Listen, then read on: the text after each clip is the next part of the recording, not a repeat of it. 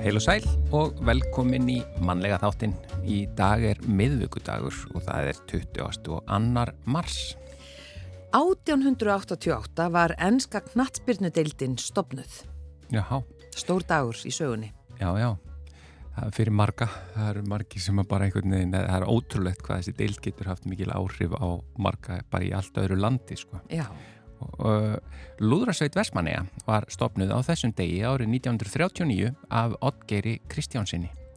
1948 skáldsaga Haldós Lagsnes, Atomstöðin kom út og seldist upp samdægus. Geirfugla drangur vestur af Eldei hrundi á þessum degi árið 1972. Hann var áður um 10 metra hár en eftir hrunið kemur hann aðeins upp úr um fjöru. 1974 bandaríkjaþing samþykti stjórnarskrárbreytingu sem hvað áum jafnrétti kynjana. Já, yfir í efni þáttanins í dag. Eymundur Lúter Eymundsson verður hjá okkur í dag. Uh, hann glimti við mikinn kvíða og félagsfælni frá því í badnaskóla. Kvíðin hafði áhrif á allt í hans lífi. Honum gekk ítla í náminu, hann einangraði sig, hann reytist sjálfum sér fyrir að líða ítla og þorði ekki að segja neinum frá því hvernig hann leið. Hann hætti í framhaldsskóla eftir aðeins tvo mánuði og hann notaði áfengi mikið til að slá á líðanina og þegar hann laðist til sveps á kvöldin þá kveið hann fyrir að vakna daginn eftir, kveið fyrir öllum deginum, kveið fyrir því að þurfa að hitta annað fólk. En sem betur ver líður einmyndi betur í dag, lífans tók loksins aðra stefnu þegar hann var að nálgast ferdugt og hann ætlar að koma í þáttin í dag og segja okkur sína sögu. Hver var Jón Ólafsson úr Grunnavík og hvað var hann að gera í Kaupmannahöfn á átjóndu öld?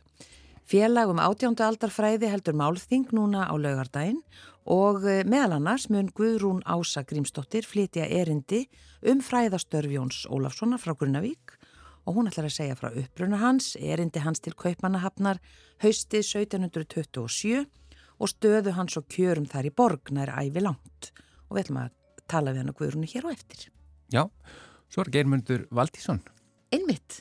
Hann ætlar að halda tónleika núna næsta laugardag í salnum og þeir eru dálitið óvinnulegir vegna þess að þeir ætla að spila öll laugin, hans Geirmundars. Og ekki syngja, láta áhörvendur syngja já, með. Áheyrendur og áhörvendur munu eh, taka lægið. Þetta heitir á ennsku sing-along tónleikar. Já, fólk þekki nú laugin hans. Já, eða syngið með Já. tónleikari við þýðum það svona. Þannig við heyrum aðeins í honum um þetta á eftir. Já. Já, en við byrjum á tónlist. Þetta eru Lúto og Stefán og Átján Rauðar Rósir.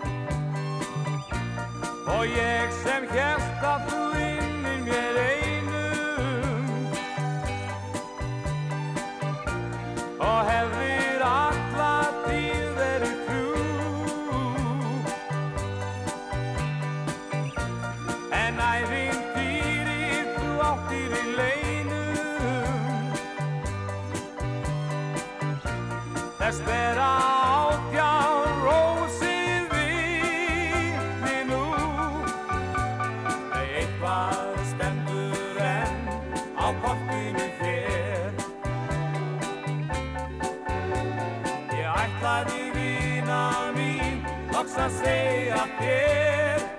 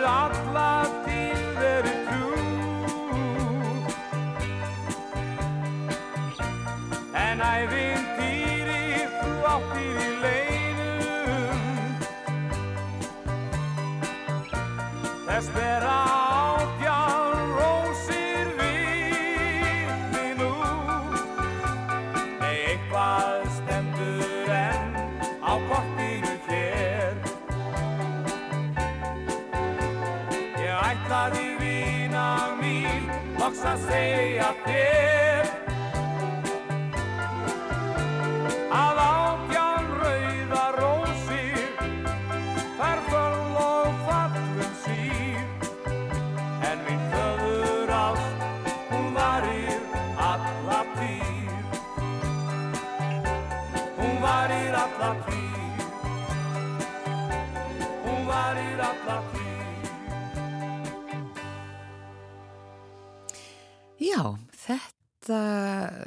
sum sé voru uh, Stefán, nú er ég Stefán Jónsson og Bert Möller að syngja átján rauðar Rósinlag eftir Bobby Darin og textagerði Yðun Steinsdóttir.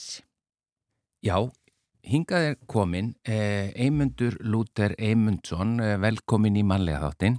Já, takk.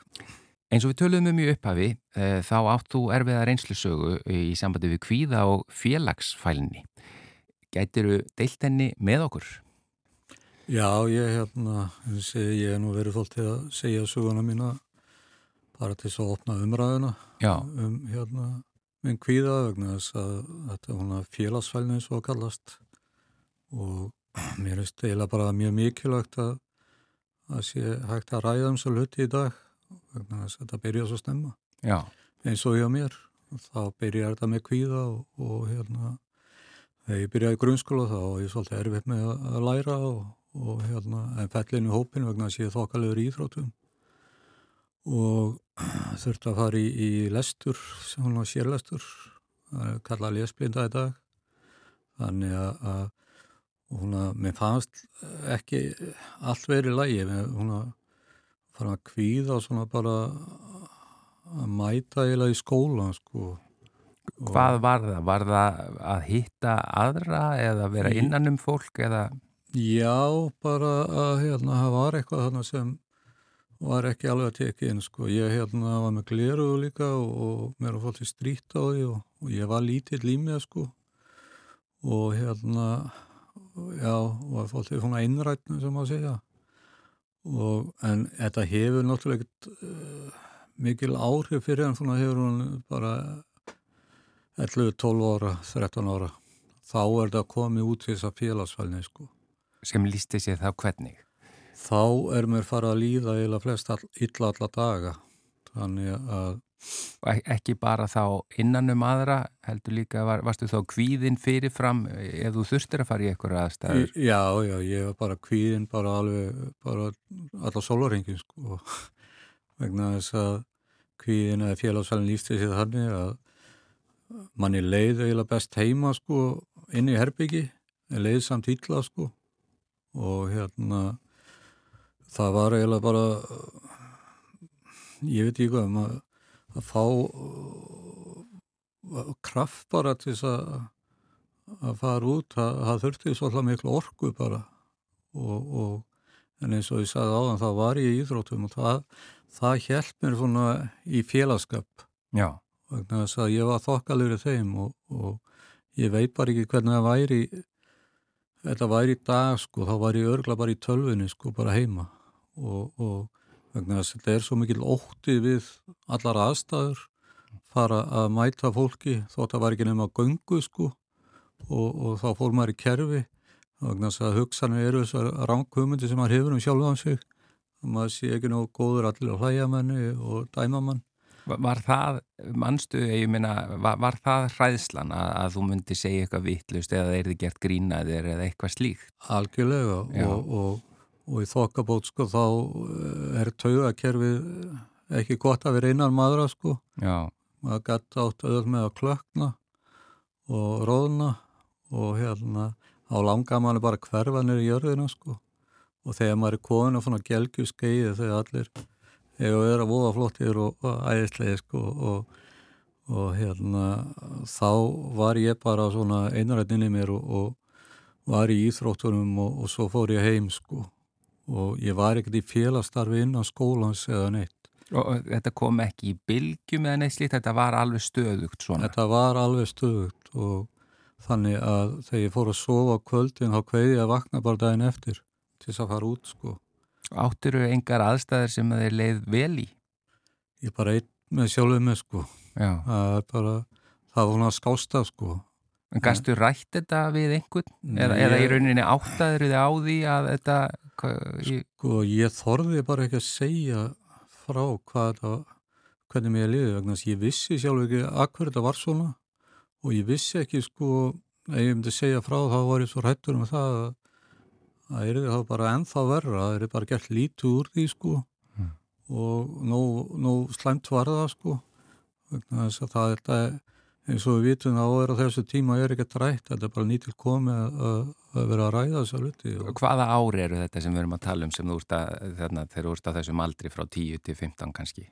Já, og svo heldur bara alveg áfram. Sko. Já, en hva, hvaða ári eru þetta? Hver, hvenar var þetta? Þetta er, sko, þetta er bara, má segja alla daga. Já, nei, ég er að meina, ég er að tala um ártalið, það er að segja hvað er langt síðan? Já, langt síðan. já, það, þetta er hvað, ég fætti 67 sko, 1967. Já, já, já. Þannig að þetta er kringu 1980. Þetta er kringu 19, 1980. Þá var ekkit verið að ræða kannski mikið um þessi mál. Nei, það bara var ekkert að ræða þessi mál. En þú segir líka að ég sá viðtölviði að, að þú fóst þá snemma að, að drekka. Já. Það, það svona var einhver leið.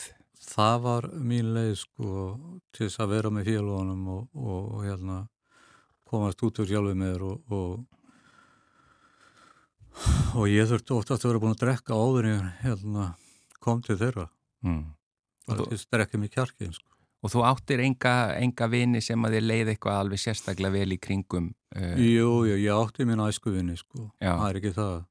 En, en mannlegan var alltaf inni, sko, inni mér og, og hérna, að, þannig að þessi æsku vini mér voru mér náttúrulega íþróttum og, og maður held, já, það held maður við, sko, og bara góða vini, en, en eins ég er hæsla við að segja, sko, hvernig manni líður.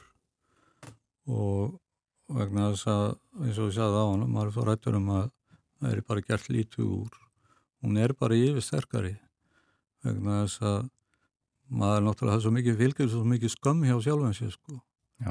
Að maður er svo pottetur á því að að þetta sé svona, maður sé bara vonlega skeið sko og mun aldrei geta lært heldur og, og hérna bara verið í íþróttum sko Hvenar kemstu síðan, hvenar fer svona að rofa til? Þú segir að þú ferði aðgerðið ekki sett í mjadmaðagerð. Jú, ég greinist 1994 á 27 ára gammal og greinist ég með beinu bein í mjadmaðliðnum og þá var ég að hætta í bóltónum, ég hafði verið að spila á Magna Greinivík þá og, og hérna þá hérna fór helgan í að maður fór að drekka. Mm. Uh, 98 þá fer ég í aðgerð mjámalega skiptingu og fór að vinna svo aftur eins og brjálæðingur, ég vann í björðveismiðu mm. og hérna var einn á lagarnum og ég fór aldrei í kaffe eða mat þar Og þannig ertu orðin bara fullorðin og þú ert ennþá í þeirri stöðu að... að... Já, ég er þarna 31 ás og, og, og hérna... Leið best bara einninn á lagar? Já, þannig að ég þekkti þetta og hvernig það var og kunni þetta og hérna og maður sem hefur farið í mjamarækjur og, og fer að vinna aftur og liftar og hoppandi upp og niður og, og, og það er kannski ekki það besta. Þannig, en ég bara þorði ekki vegna þess að félagsfælni hún, hún hérna, maður er fastur í syndrúmunum að þótt maður fái sko vinnu tilbúð annar staði frá með svo helmingi herri launum og þorði ekki að fara vegna þess að ég kunni þetta Já. og hérna og svo var maður alltaf brjálagur í sjálfum sér sko til þess að umhengaskapur geta ekki farið Já, Og, þú gast ekki farið og varst svo tókst, reyfsti niður fyrir Já. að geta ekki farið. ég var bara fastur þarna Það er bara verið vítarhingur. Þetta er vítaringur og, og þess vegna er ég að tala um þess að afleðingar sem verða hjá þessu börnum og ungmennum ef við gerum ekki neitt strax og þarna er ég búin að eiginlega mjög á fimm árum, Mm. ég fyrir illa með mig. Þannig að ég fór í aðgerð 2004 aftur. Og sem betur fyrir þá hérna, hefnaðist hún ekki vegna þess að þá þurfti ég að fara á kristnæsi í að fyrir 2005 á verkjasvið. Og þar var einn svona einn fræðisla um hvíða félagsfælni á þunglindi og svona bæklinga sem fengur með, þetta, með þessu. Og þegar ég fyrir að lesa þetta þá er ég bara um lesa mig frá aðtöluða fyrsta skipta á æfið minni sem ég var krakki sem ég sé hvað er að, að hana hrjá mig Þa, þetta hafður bara aldrei, þú har aldrei áður aldrei. Aldrei. séð neitt, neitt fræðslu efnu um þetta sem að gæti bentir í þessa átt. aldrei nokkuð tíman og, og þarna bara brotna ég saman vegna þess að þetta er svo mikil uppgötun að sjá það öll þessi ár að voru vissar ástæði fyrir að hverjum eru búin að líða svona illa já, og það var hægt að fá hjálp og það er akkur það sem ég gerði að mér langaði svo að fara að eignast eitthvað líf. Mm og á þess að vera alltaf á flótta og, og reyður inn í sjálfum mér að geta ekki gert hluti. Og hérna þannig að ég fór strax á Kristins og fekk hjálp hjá sálfræðingi og, og var þar bara fyrsta tíman og þá var ég bara grænjandi vegna þess að ég held að hver einn myndi það er nú 38 ára gamall að að átt að sjá því að allt hans líf sem hann er búin að vera í leikriti að fjela sína vanlegan að sé ástæði fyrir að sé hægt að, og, og hægt að fá hjálp. Það lítur hver og einn að sjá það að það lítur að vera mikil laust og frelsi. Það er eins og við erum að sjá fólk sem er samkynnegt, það er, að opna sig það eru 60 ára já, já, og þá börn já, og alveg fjölskyldu. Og þetta er ekkert ósvipað, þetta er ég bara búin að fjela og hérna vegna þess að ég vissi ekki hvað það var og ég þorði ekki að tala um það vegna ræslu umhverju. Eftir öll þessi ár og eftir að hafa falið vannlíðuna í öll þessi ár þá segir þú líka að, að þetta lagast ekki 1, 2 og 3. Nei, þetta er vinna. Já, En það var vinna við að halda sér á lífi líka sko. já, Og það var miklu meiri vinna. Vegna þess að þarna bara sá ég úr ástæður, fekk hjálp. Svo eins og ég sagði ánleika með áfengið, maður hefur notað vímöfni til þess að, að drekki sér kjarkin og, og það var maður sem bauðst þess hjálpa mér að fara í meðferð.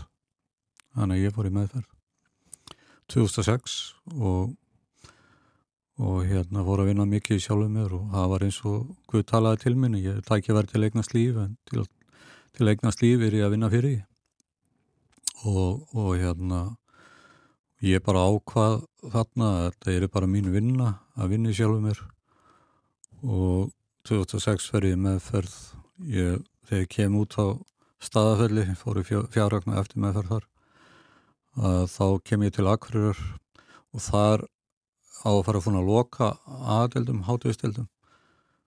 Þannig að ég sæðist bara að taka þetta allt að mér að vera alla virka daga og, og hérna þá þurfti ég að mæta fyrir og hætla bara kaffi, ganga frá eftir. Og þetta er svona, já, alltaf upp í pontu að tala. Já, og ég tekki hvað ég sagði sko. En það er, það er alveg auka aðri vegna þess að ég tókst á að sjálfa mig sko. Já, það er svolítið stór breyting með hvernig þú varst, þú verið ekki kannski verið, það er ekki verið draumur þinn að standa fyrir framann fólk og tala. Nei, og þess vegna var svona mikið kraftur í mér að að vinna í sjálfum mér. Já, og, og hérna og svo fór ég í framhald á því að ég endaði ári á hilsustofnunni Hveragerði og, og tók að maður nokkuð kíló þar og, og að byggja upp sjálfa mig andlega og líkamlega þannig að ég hef glýmt við verki alveg síðan úr setni að annari mjamarækjörn 2004 já. og Og nú ertu búin að vera að vinna bara við það í rauninni að hjálpa öðrum.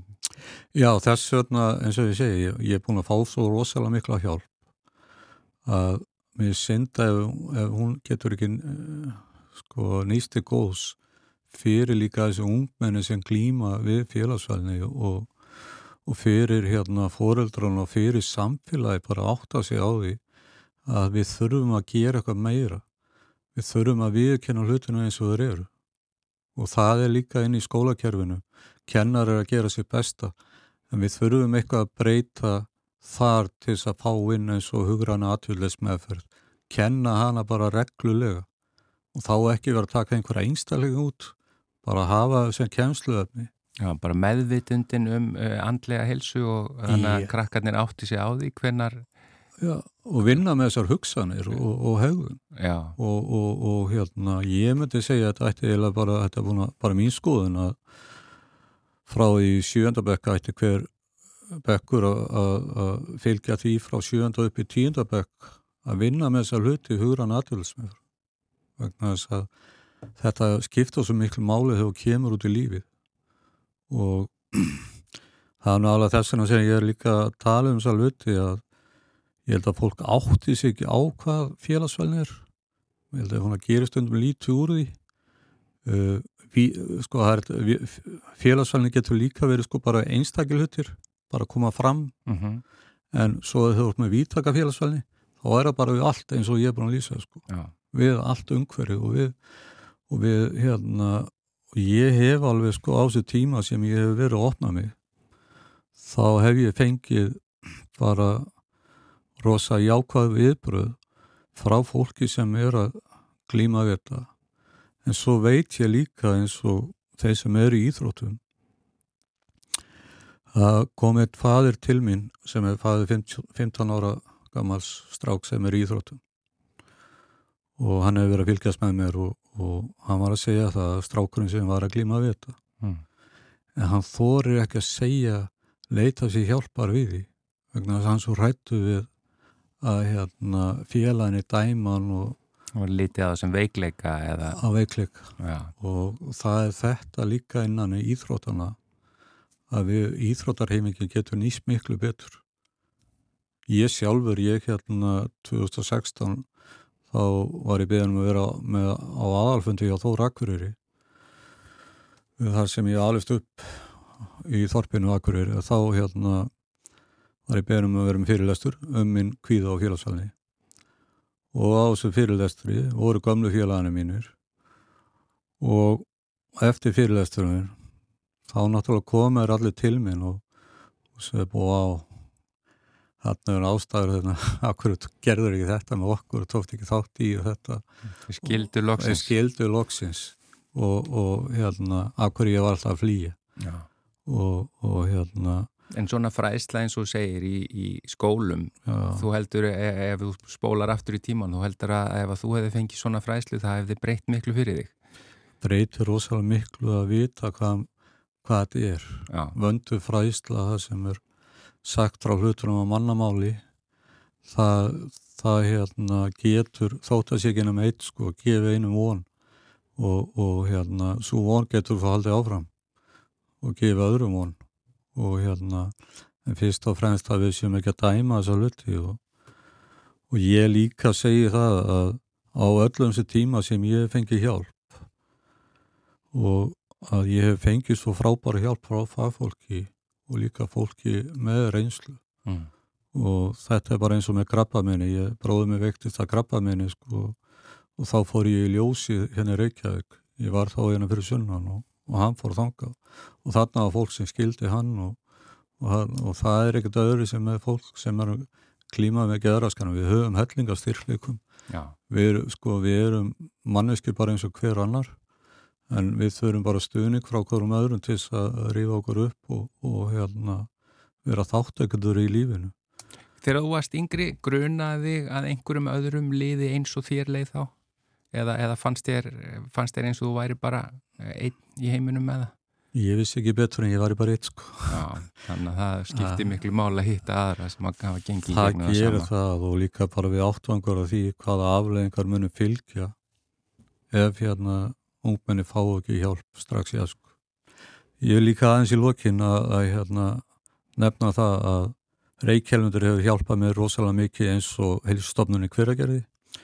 En á Reykjelmundi þar er hérna er verkefnabók sem hægt er að, að, að fá. Þannig að hugur hann atvillismeðferð og ég skora bara fólk að fara inn á ham reykjálundur.is og alla sem eru þekking, það er rosalega gott hérna efni þar til þess að já, svona sjálfurrekt myndi ég segja. Eymundur Lúter Eymundsson þakkaði kælega fyrir að koma og deila þinni sögu hér í manlega þettinum Takk fyrir mig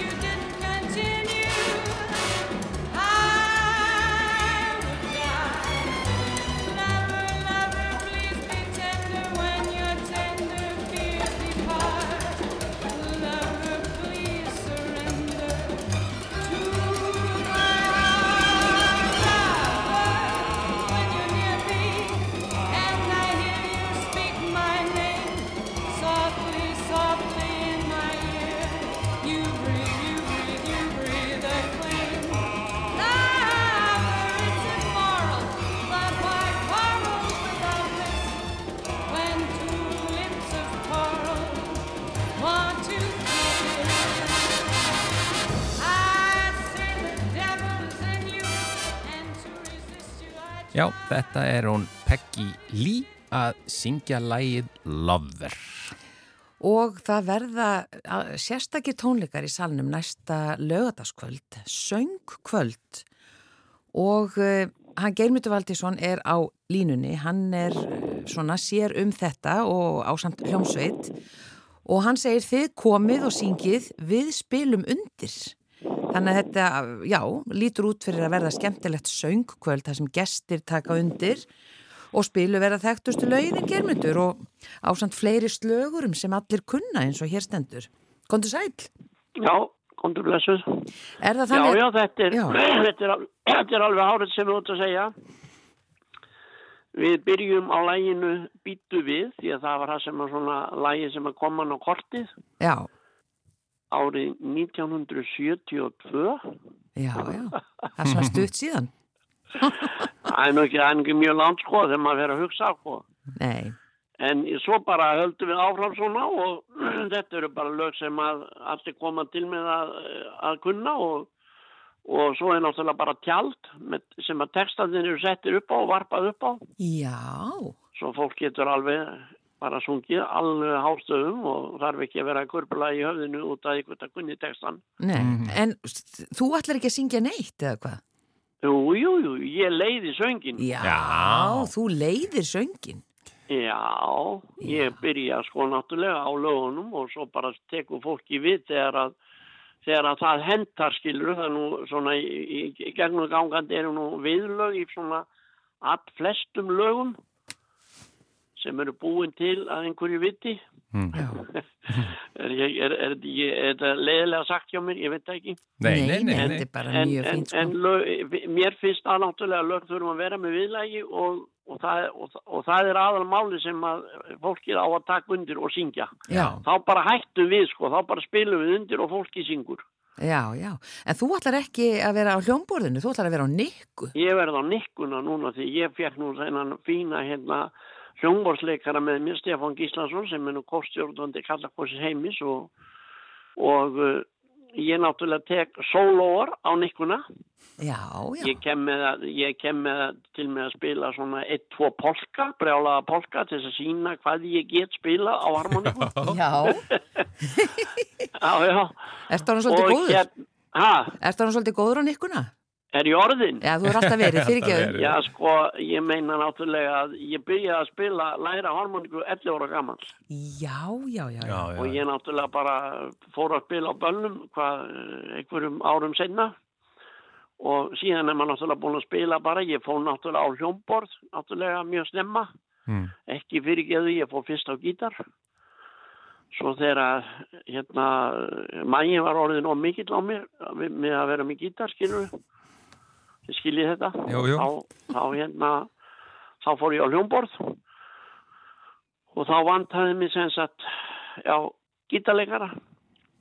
Og ég fór á hljómborð og hérna og uh, síðan var náttúrulega búin að spila á því að spila á hljómborði alveg.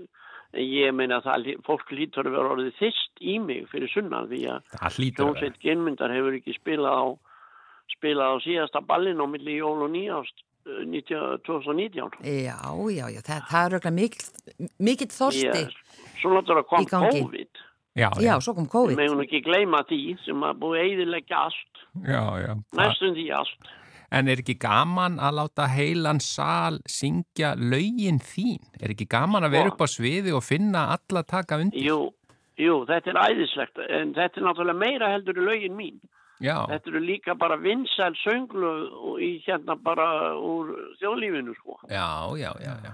og uh, til dæmis bara eins og ég segi sko að uh, við byrjuðum á þessu á græna hattinum. Já, í nóvumber í haust. Já, og það var sko við vorum náttúrulega haldauga trekti sko því það var ekki búið að selja nema 50 mið í fórsölu þegar að- þegar við fórum inn í húsi til að stilla upp hljóðvarunum. Já, en húsi fylltist og var æðisleg stemming. Bara með ólíkinn við áttum ekki vona á þessu. Nei. Heldur að sama gerist ekki bara í salnum? Það bara, salurinn er náttúrulega sko hann er stærri heldur en þú veist eh, í nálæðin við fólkið á græna sko. Já, það er bara við tætnar á manni. Já, já og það er sko það, þetta er ótrúlegu staður þannig. Já, hann er eiginlega það er bara stemming eh, það er bara eiginlega stemming í húsinu bara þegar maður kemur inn í það já, inn í græna hattin. En ég efast ekkit um það að, að verði gott í salnum. Við, við heldum þrenna tónleika í röð uppselda alla saman 2018, já, hljómsveitin, akkurat. á samt dýfum, ekki samt þérgurunum minni. Nei, hvað var það að þýða? Það- Já, hvað á það að þýða? Ég var bara að þýða það. Nei, nei, nei, nei. En, já, En við hugsaum betur um það síðan. já, já, Ég hef nú grunum að þið eftir að gera þetta, endurtaka þetta aftur og aftur og aftur í salnum. Ekki spurning, já. Já. Þetta er Já, það er bara vonandi að þetta takist, það er bara þetta er svona tilraun. Já, já. Þetta verður Fyrskipti skemmtilegt. sem við förum með þetta söður, við erum búin að vera hérna heima, voru hérna á kroknum núna á, á lögadagi var og það var rosalega stemming þar. Já. Já, Ég held að verði svaka stemning á Annars er lögadaginn. fólk aldrei bara, fólk er ekkit heima. Jú, jú. viti bara hvernig ég er, sko. Ég meina, Reykvíkinga fara til Tenerife og, og, og, og hérna... Og norður. Og svo fer landsbyðin til Reykjavíkur. já, já. Eh, Hérna bara, við segjum bara gangi ykkur vel og þetta og skemmt, eða góða skemmtun á uh, lögadaginn í salnum. Í en, salnum. en bara, ég ætla bara að þakka fyrir mig og að þið skilduðu bara eftir þess og ringi í mig. Já, þetta er svona hressandi kvöldskemmtun sem engi má missa af. Við endum Já, með bara þetta, gangi ykkur vel. Nákvæmlega, endum með þetta á að heyra lag sem verður örgulega sungið hástöfum með á lögadaginn. Þetta er já, eh, alveg Já. 100%. Geirmundu Ég hef Valdursson. það gunnið það, kannski. Já, hlustaðu nú. Takk fyrir spjalli, Takk germyndu fyrir minn. Spjallið. Já, Bless, bless. Blessaður. sömulegis fyrir að ringja, bless. Já, bless.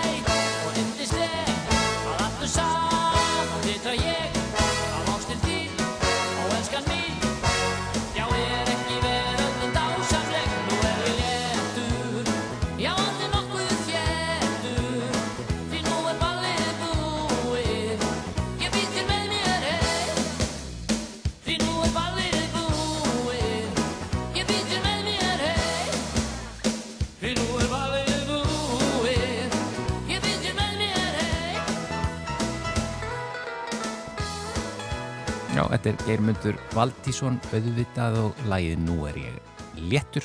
Það eru þessi tónleikar og laugadaginn í salnum það sem að áhörundur fá að syngja með honum öll lögin. Félag um átjándu aldarfræði heldur málþing undir yfirskriftinni af Íslendingum í Kaupmannahöfn á átjándu öld. Og þetta mun fara fram í þjóðarbóklöðinni núna á laugardaginn og þarna verða flutt fjögur erindi. Og meðal þeirra sem flytja þarna erindi er hún Guðrún Ása Grímsdóttir, rannsóknar professor emeritus við stopnun Árna Magnússonar í íslenskum fræðum. Og hennar erindi fjallar um fræðastörf Jóns Ólafssonar úr Grunnavík í Kaupmannahöfn. Og uh, það viljum bara þannig til að við erum bara komin heim til hennar Guðrunar Ásu. Takk fyrir að taka móti mér. Ég, takk fyrir að koma. Eh, hva, hver var Jón Ólafsson úr Grunnavík? Ég hafa fræðimaður fyrst og fremst, hann var fyrsti styrkþegin við Árnasafn í Kaupmannahöfn, fyrsti Íslendingur til þess að þykja laun fyrir fræðastörf. Sem sagt, um, e, og hans megin viðfóngsefnið var íslensk tunga. Hann var upprunnin úr uh, Grunnavík í Jökulfjörðum, frá stað, pressonu frá staði í Grunnavík. Og uh, var fættur um miðjan ágúst 1705 en misti föður sinn 1707 í bólunni Viklu og þá flutti móður hans ekkjan eh, aftur heim í Húnaþinga, melstað í miðferði og, og Jón Ólafsson var tekin í fóstur af Páli Vítalín, lögmanni og konu hans Þorbjörgu Magnúsdóttur frá Vigur. Þetta var mikið menningar heimili og þarna var Jón frá því að hann var sjövetra svinn og þangað til hann fór til Kaupmannahafnar 1776 um haustið. Hann skólaðist í Viðdaltungu, hann var reyðsveitn og skrifari Páls Vítalins lögmanns og fór með honum í hverja, eh, allar hans embætisferðir. En tildröðin þess að Jón fer til Kaupmannahafnar og gerist þar fræðimaður eru þau að samstarfsmaður og vinur Páls Vítalins, Árni Magnússon, handrættasafnari og professor í Kaupmannahafn, vantaði skrifara.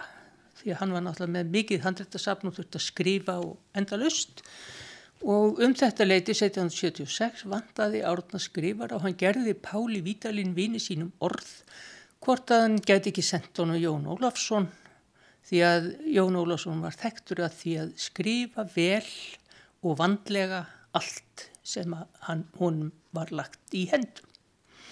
Og það verður úr að Jón uh, felst á þetta fer og segir hann sjálfur að hann fari nú meira fyrir forvittnisakir og vill skoða hag kaupanahafnar heldur en að sé sólgin í að gerast bókhiðjumadur og vegum Átna Magnússonar. En hann var það samt og stígur sér sett á land 8. desember 1770, eh, 1726 og gerist þjótt og skrifari Árna Magnússonar til hans hinsta dags en Árni lést 1730. Og þegar Árni er látin og kona hans metti líka um haust, sama haust, þá er sagt stopnaður sjóður af eigum þeirra og handritasafni þeirra og bókasafninu mikla komið fyrir á neðra loftin á þrenningarkirkjunni í Kaupmannahöfn.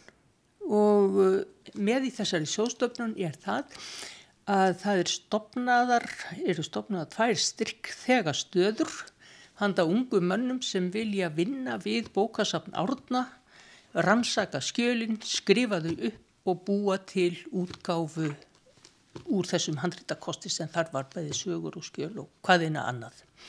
Og vegna þess hversu Jón Ólafsson hafði staðið diggilega við hlýðina á Árna Magnúsinni þessi þrjú ár sem hann var hans þjónustumæður og uh, líka það að Jón var fengið til að skrifa upp bókasafn Átna eftir lát hans. Það gerði hann svo rétt og vel og þess vegna var Jón valinn sem fyrsti styrkþegi við Árnasafn.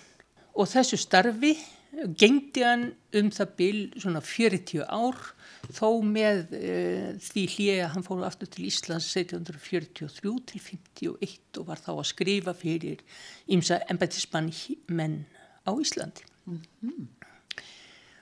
Megin viðfangsefni Jóns var íslensk tunga sem að skýrist vel af helstu fræðiritun sem að skildi eftir sig í, í árnasafni og þar ber kannski hæst má segja íslensk latneska orðabók sem uh, hann vann að alla sína æfi en Jón lést uh, 17. júni 1779. En þessi orðabók er eins og flest önnur verk Jóns Ólafssonar ófullgerð en mikið afreiksverk og full af fróðleik. Þá má nefna að hann skrifaði um rúnir, hann skrifaði um íslenska réttritun, hann skrifaði um æfir merkra manna eins og Árna Magnússonar, Páls Vítalins og sína eigin æfisögu skrifaði hann. Skrifaði hagðþengi sem er eins konar rítu það hvernig uh, hver og einn á Íslandi getur stuðlað vel, velferðar landsins í krafti síns embættis. Hann skrifaði um fiska og hann skrifaði um steina og hann, hann bjóð til útgáfi meðal annars uh, snorraðetu. En uh, það var eins og flest önnur verk Jóns ekki fullgerð og uh, þessi útgáfa snorraðetu kom aldrei út og það var það sem að allir Jóni Ólafsinni allar tíð þetta mestri sorg að verkans voru ekki gefin út meðan hann lifði. En bótt í máli er að 1993 var stopnað félag sem heitir Góðvinir Grunnavíkur Jóns og þetta félag tók að sér að gefa út, rannsaka og gefa út þau mörgurít sem að Jón Ólafsson skildi eftir sig og vegum þessa félags, Góðvinna Grunnavíkur Jóns, hafa komið út þó nokkur rít á síðustu árum. Mm.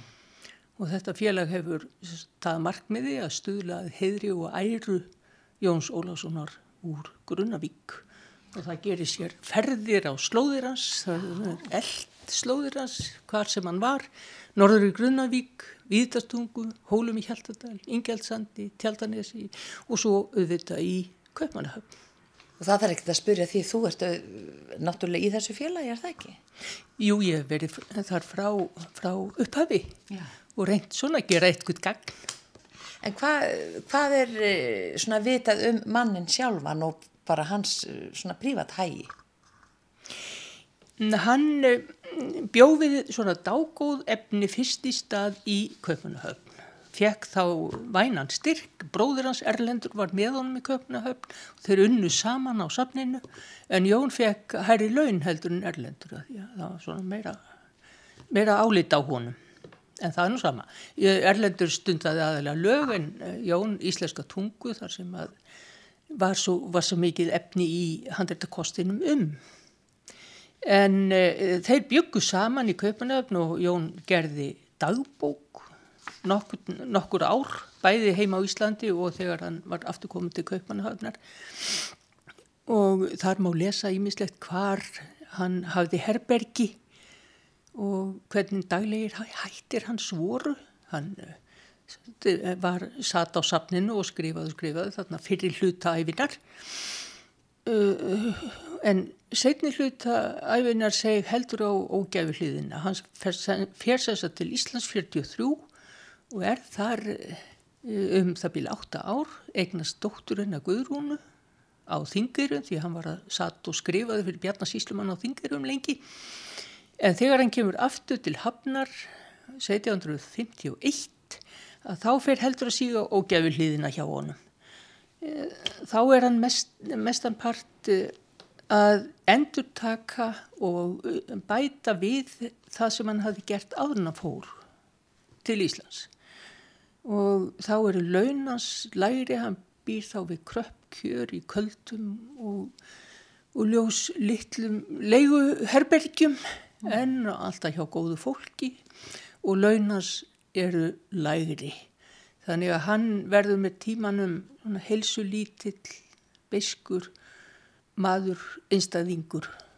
En hann hefur samt samband við merkilega menni svo Skúla Magnússon og, og Ekkert Ólafsson og Hannes Finnsson sem eru frumkvöðlar upplýsingarinnar á Íslandi. Og það sem hann gerir mest part á setni hlutu æfin er að það er að skrifa endalösa fréttir upp úr blöðunum í Kaupmannhafn. Hann segir semst að koma upphaflega til þess að rannsaka hag Kaupmannahafnar og setni hluti æfinnar fer í það að skrifa tíðindin úr Kaupmannahafn. Skrifa og skrifa á þúsundublað sína. Þetta er aldrei merkilegt. Það er svona fyrsti fréttarítarinn.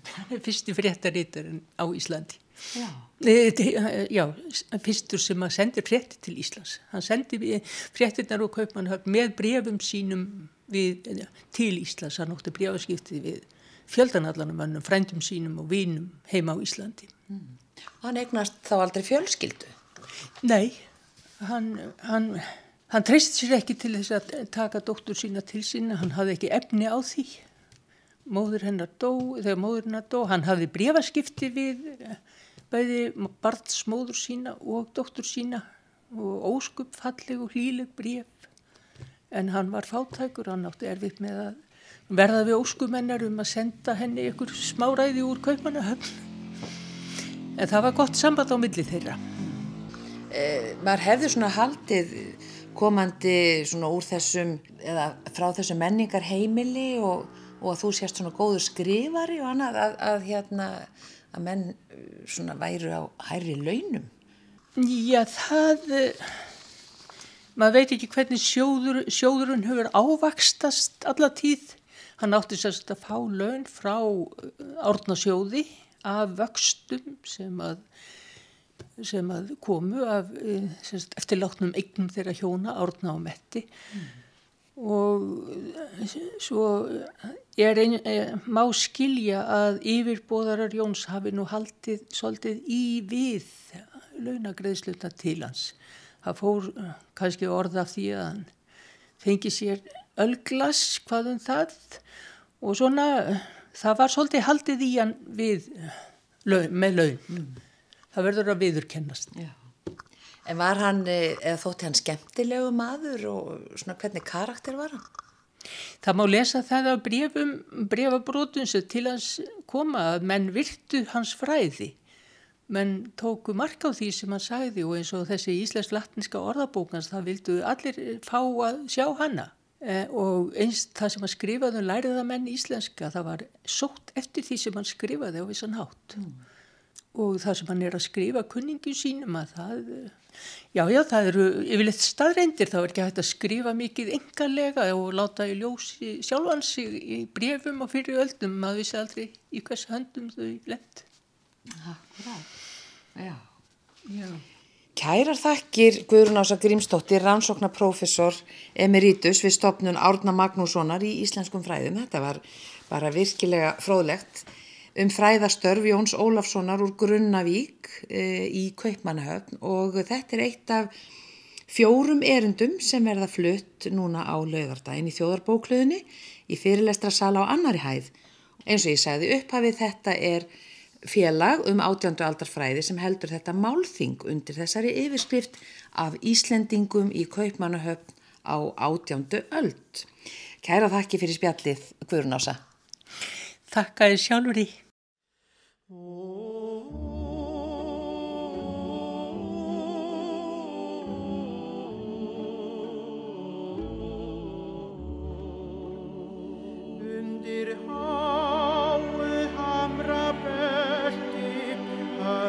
grúpir lítil rós, gráir lítil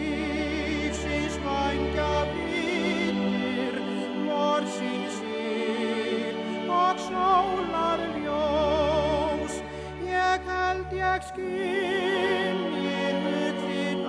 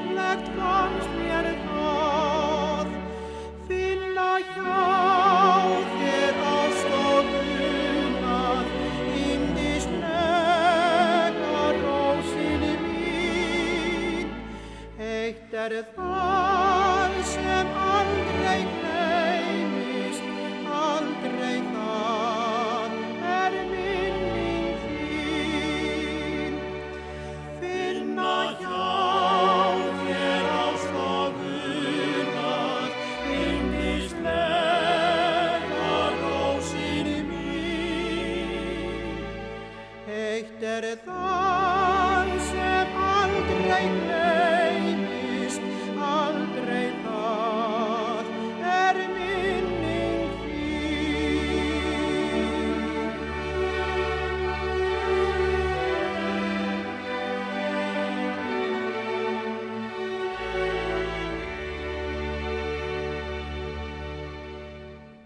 Rósin, þetta lagar eftir Sigfús Pétursson, nei það sem ég ætla að segja Friðrik Jónsson, fór línuvilt hérna og Guðmyndur Haldarsson samti textan, þetta var Sigfús Pétursson sem söng og allt að gerist bræður. Sigurður Rúnar Jónsson útsetti og Stefán R. Gíslason rattsetti og þar með höfum við leikið tvö lög í dag úr skagafyrðinum. Já, Þetta áðan eitt með, með germyndi valdtísinni. En mikið óskaplega eh, já, sem hann hérna Sigfús Pétursson er með. já. Og þetta var bara hann söng þarna lokalægið í þættinum okkar Við þökkum samfélgin í dag. og verðum hér aftur á sama tíma á morgun. Verðið sæl.